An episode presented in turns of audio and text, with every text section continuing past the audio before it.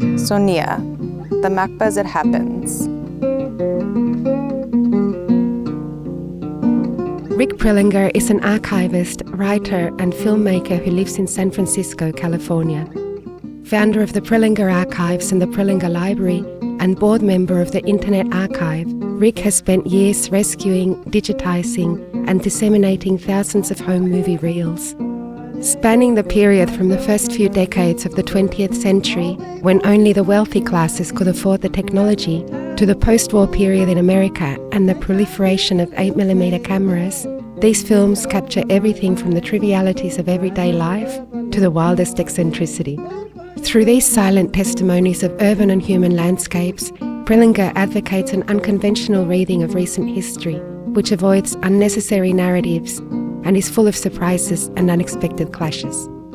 Sonia talks to Rick Prelinger about home movies, alternative anthropology, lost landscapes, and what he calls archival anxiety syndrome. Home movies are movies that are made by individuals they're personal expression, they're not corporate expression. Usually, no group or collective got together to make home movies. Most of the time, people shoot home movies of things they love, things they care about, places that have ceremonial significance, events that are symbolically or actually important milestones in their lives. There's a continuum that begins in the early part of the 20th century when very, very wealthy people could hire personal cameramen to shoot. You know, the Rockefellers had cameramen come in and shoot 35 millimeter footage of their family. And then in the 1920s, we see the beginning of 16 millimeter film, which is much cheaper than the previous, but it's still extremely expensive. And then in the 1930s, you see the beginning of 8 millimeter film. And suddenly you no longer need to be wealthy to document your family in moving images. And in the 1930s, you see this incredible flowering, almost this explosion of documentation among families and individuals, people at work, people in schools. Uh, working class people start to shoot home movies, especially when their lives become stabilized with the growth of the labor movement in the late 1930s. Soldiers shoot home movies when they're um, mobilized and going to army bases in World War II. And then after the war, again, you know, with increasing prosperity. I'm speaking about North America, of course. Home movies are made literally by the billions. And then suddenly, in around uh, the late 70s, actually in the in the 70s, there's sort of this lessening of um, activity, and I think it isn't so much video because it's before home video cameras. You know, that's early to mid 80s and, and still very expensive in those days. I think there's more a sense that photography becomes easier. You have instant cameras. And also, I think the idea of sort of long form documentation, you know, having a camera shooting these three minute pieces that you then have to splice together. I don't think people have the time anymore. But the 20th century is the first century to have this sort of massive, rich media documentation. And as a result, we have a tremendous opportunity as archivists and as makers and as people that are interested in culture from many, many different points of view to work with this material.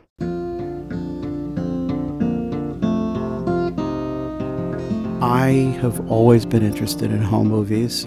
We didn't shoot any in our family because it was considered extravagant. We couldn't afford to do that. We took pictures, you know, regular photographs, but home movies were something that just we couldn't do. I began collecting them along with my other the other parts of the archives in the 1980s, but I did concentrate primarily on the industrial and the educational and the advertising films. But home movies began to really seize my interest because, um, you know, the value, the evidentiary value of home movies is just so great. It's such incredibly dense documentation. When you look at a home movie, you can't just think about what you're seeing, what is shown on the screen, but you have to think about what is absent as well. So presence implies absence in an extremely direct way. And in addition, the existence of a subject, something or somebody that is being photographed, implies the existence of some sort of intelligence behind the camera that has made a choice as to what to shoot, how to shoot it, and so on. And it's much less mediated than when you're looking at a more um, highly produced industrial or educational or theatrical film. So sometimes we experience this as randomness, where the camera moves around and, and, and perhaps has trouble finding, you know, exactly what it's going to fix on. Other times the, the camera's locked down on a tripod and everything is very carefully choreographed. But it's this sort of coexistence of models, of, um, you know, tropes or cliches, which are very, very carefully structured and pure randomness. And that's very, very exciting. You know, it's like the best of, of uh, experimental art where they're able to choreograph randomness and premeditation as sort of two different modes of working. Cory Doctorow made an interesting statement a few months ago where he said, you know, that it's no longer relevant to say internet censorship. It's no longer relevant to say internet this, internet that, because we live fully hybridized lives now. Internet is part of the uh, human infrastructure. To say internet censorship is misleading. You really need to say human censorship. And in the same way, I think home movies, you know, because there are so many of them, they're practically infinite they really map over onto a human cultural and social history in the sense that I think it's very hard to think of them as something apart. You know, it's like Borges's map. They're a projection upon the world that they portray. Home movies and lost landscapes. I worked a little bit with home movies in my panorama ephemera film. I worked a little bit more in um, the film The Lives of Energy, which is an unfinished film. And then I've worked a great deal with home movies in these local history programs that I've been doing now for seven years in San Francisco, which I call the Lost Landscapes of San Francisco, and two years in, in Detroit.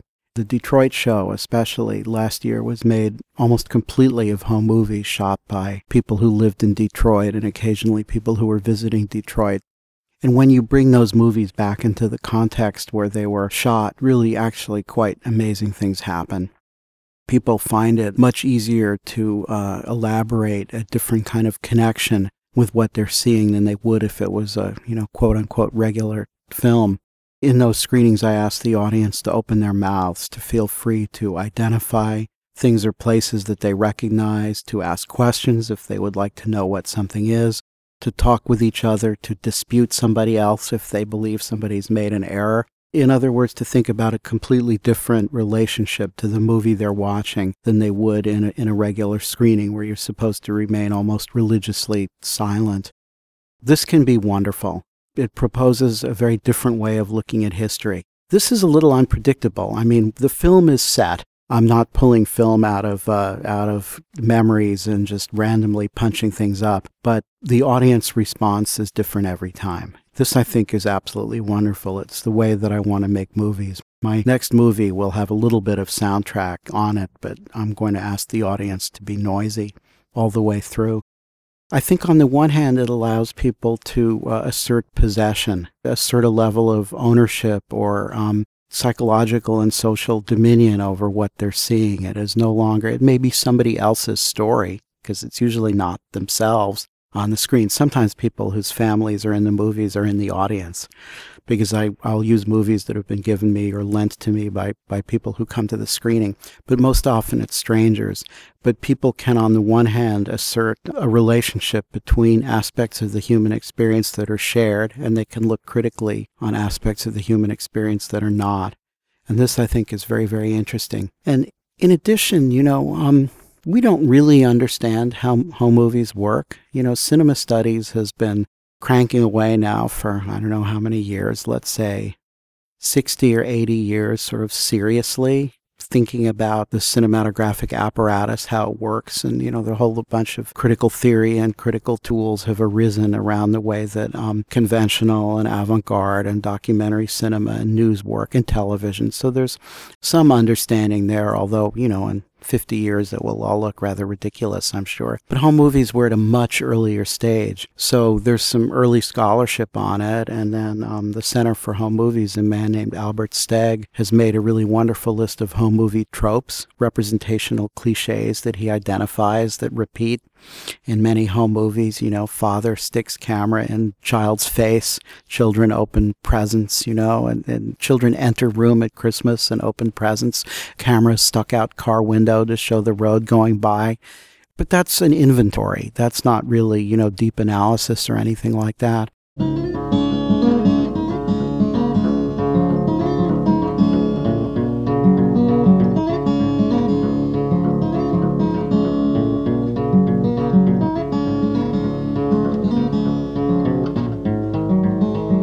There's a parallel between um, the home movie and the snapshot. So when photography was trying to figure out sort of what it was, was it an art?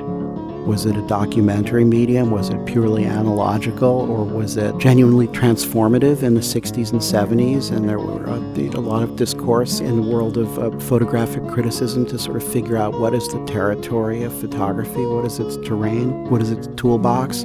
A bunch of people began to turn to snapshots and found photographs because they seemed to illuminate many of the rules by which photography worked in the way that they violated them. You know, you understand how to obey first by transgressing, is another way of putting it. And um, since many uh, photographers who are considered great photographers worked often in a snapshot mode, I think of, you know, Walker Evans or Garry Winogrand, many other people like that snapshots became sort of uh, aestheticized and to a certain extent commodified fairly quickly. And as we know, there's been many exhibitions of found photographs and there's archives full of them. The same thing has not really happened for home movies. Although home movies will sell for lots of money, sometimes on eBay, the people that buy them are not so much connoisseurs as um, people that are hoping to find rare images that they can charge a lot of money for in the stock footage market. There are a few home movie connoisseurs along the lines of the people who are connoisseurs of snapshots who are interested in um, how these materials work and what you can see in them and how they function. But it's still, I think, an embryonic practice.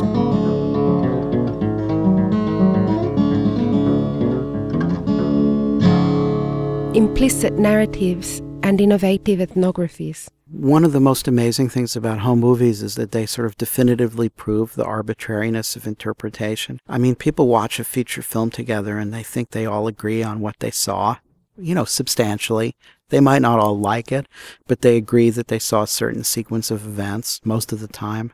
Someone recently did some kind of, a, I think it was an art project where they uh, speculated they made up narratives uh, around, you know, what they saw in a home movie, who was whose relative and what was going on. And then when they compared it to the real story by interviewing surviving family members, they were completely wrong. You know, the interpretation was completely incorrect. I think this is, is, is, is wonderful. You know, it proves that there's no definitive documentation. Explanations happen in the mind of the explainer and that they're, the sign is arbitrary as, as, as, as we know from semiotics from the very, very beginning. I mean, home movies solve the over narrativization problem of documentaries big time. Right now, if you are going to get money to make a documentary, you need characters and you need a narrative arc, you need acts, you need a plot, you need a happy ending. I don't like this. All the documentaries these days start to look the same. But when you're using home movie footage, you know, there's already a narrative implicit in what's happening between the photographer and the subject and between people that you see. It's just there. It's um you don't need to add another layer on top of it. I mean that's the other thing. Everything was shot. You know there may be some events where nobody had a camera but almost every event or every kind of event has been photographed. For a long time, it was people who talked about home movies, academics said that people rarely film funerals. I've recently found a wake, you know, when people get together after a death and they're all sitting around and eating food and the the, the father is lying dead in the coffin, you know, next to the table. I never thought I would see that. I found people who made a movie about their child, and in the last scene, their child has died. And this is a taboo of some sort, you know, but it's in this movie, and it becomes one of these movies that breaks a certain pattern that goes against stereotype, and as a result, it's incredibly affecting.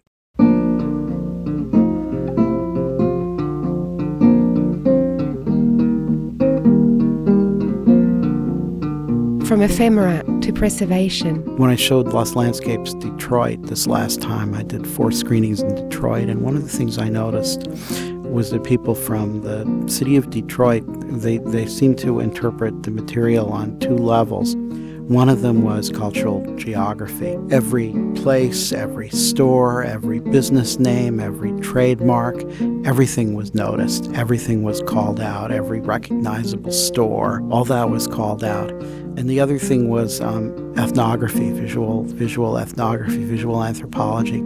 Any kind of sort of transaction that occurred in the film, any look, any sort of touching, any interaction between people was called out and loudly commented on, you know, rather than just, you know, letting themselves be uh, tugged around by some narrative with uh, intensely uh, emotional music that has nothing to do with anything.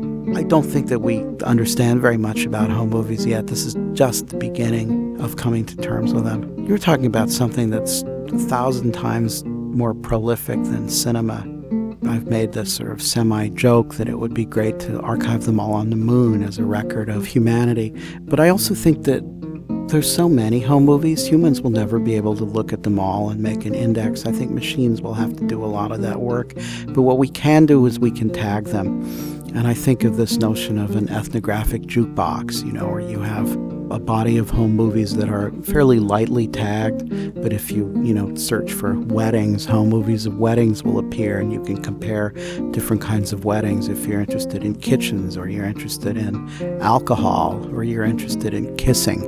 All of these um, things are very possible to pull up uh, quite quickly because, of course, you can put thousands of hours of home movies in a few terabytes. So we're scanning home movies currently at Internet Archive from our collection. We have about 9,000. I have a sense that probably about 5,000 will make their way online. There's some for certain reasons I just don't want to put up online. I'm interested in, in taking this corpus of, of material and um, seeing what machines can do to analyze it and understand it. The technical challenge of conservation. The procedure for dealing with home movies is that uh, we scan everything. I mean, we're getting into this slowly. We've only scanned about 1,300 films so far, but that's quite a lot. I've put together a group of volunteers, which are called the San Francisco Participatory Archives Group. Since the backlog of analog material is so intense, it's impossible for archivists to deal with processing it all by themselves. We need to train people from the public to be able to work with movies. So we have 17 volunteers, some of whom work in the archival field, others of whom are interested in learning about it and increasing their um, job skills. And uh, we have a paid coordinator, and in return for people's time, the coordinator and I give them an education in how to process, repair, analyze, take care of archival material. So when we have a film, we take a picture of the container because quite often the container has information. It might have the address of the family. It might have notes, you know, like, uh, you know, Angie's first communion or something it would say. So that's very useful information. Sometimes people write things on the reel as well. Um, we do inspection and repair. We add leader so that it can go through a machine. And we build a database which at this point is much more about the physical attributes of the material than it is about what's on it because when it's inspected, you can look at individual frames through a magnifier, but you can't really watch the film in motion. That waits until the film is actually scanned, and then I make a uh, an MPEG-4 that's a, a, file that's relatively easy to handle. And one of the volunteers is is starting to tag. She's tagged, you know, I don't know, half of a hundred films at this point, and we're engaging in a process to sort of look at what she's done and talk about it and critique it. And I think at some point we'll do narrative descriptions as well. I'd actually love to do narrative descriptions of everything because I'd like to publish a catalog that was formatted as a book, whether or not it's printed on paper. Because I think in some ways, um, I've remarked before that databases don't permit very much serendipity, and it's much easier to be surprised than to look for things if you're able to flip through the pages of the book. In a database, you know, you make a query, and uh, it's much less useful for certain kinds of making. And then uh, ultimately, uh, the film will go up on the Internet Archive together with quite a lot of the metadata. At the moment, we're scanning on the average about a terabyte of home movies a day. That's four hours worth and sometimes more. And so that's a lot of material. That that's, you know, about 250 terabytes a year. And when you make a couple copies, when you have the original scans plus you reformat into video, that means half a petabyte. So I have to find some money for hard drives because it looks like I have to spend about $15,000 a year for hard drives, and I can't do that forever. In 2002, our primary collection of industrial and educational and advertising films went to Library of Congress, and the collection that we began to assemble after that, that's been going now for 10 years, lives in cold storage, and we rent cold storage in Southern California. It's um, you know 45 degrees Fahrenheit and 25% relative humidity, so it's conditions that have been determined to uh, allow film to live for quite a long time. And in addition, the vinegar deterioration of film, which is a big issue, is is uh, dramatically slowed down in a, a low humidity environment. So um, we'll keep everything. You know, the scans are, although they can look good in their production quality, they're just a copy. We have to keep the film.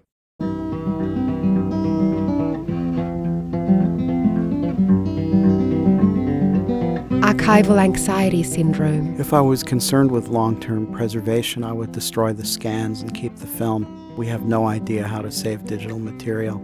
I mean, film has a limited lifespan. Film is subject to certain kinds of deterioration, for sure.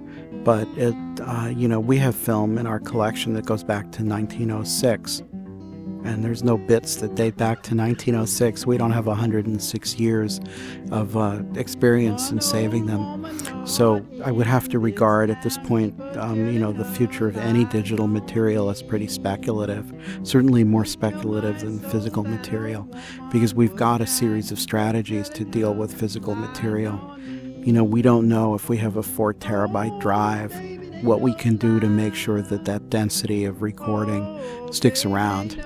We know how to take care of shellac records and vinyl records and early phonographic cylinders.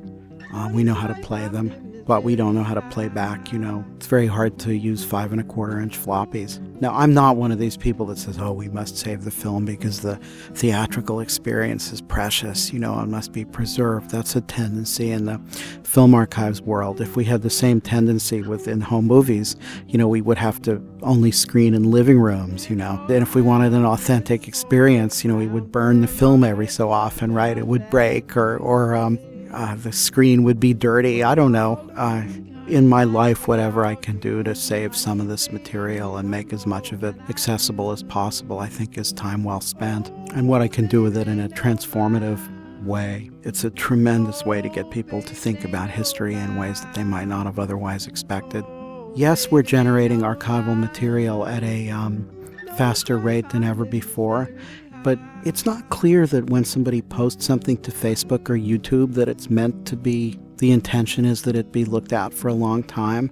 A lot of people in the United States now who are involved in the gang culture shoot uh, fight videos where if people are fighting, and they post that, but it's like graffiti on the wall. It's meant to serve a specific tactical purpose. I think at one point it's not meant to be archival. And so when we say, oh, well, we have to save all this that's history, that's great, but that has nothing to do with the intention of the people that made that material. It's actually mapping on top of, of their intention. In the same way that when I collect home movies that a family might have thrown away or a family might have sold as an estate sale, my context is very different from theirs.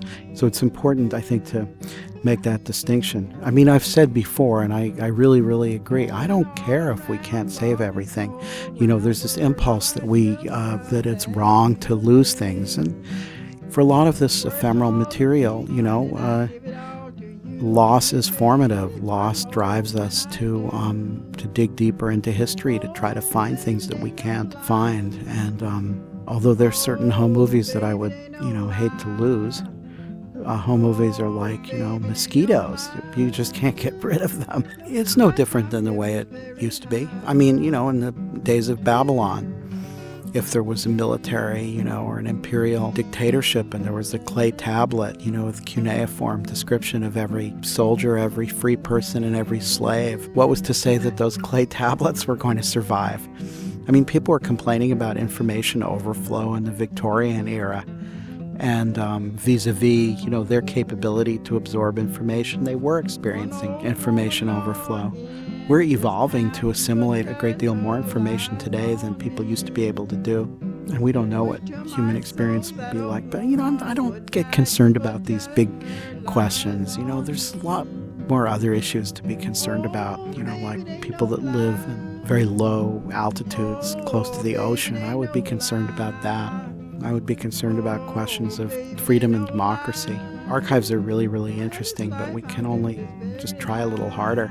We very quickly start talking about anxiety and loss, and um, I don't think that's a good way to go. I think we should try to emphasize what we're able to do better.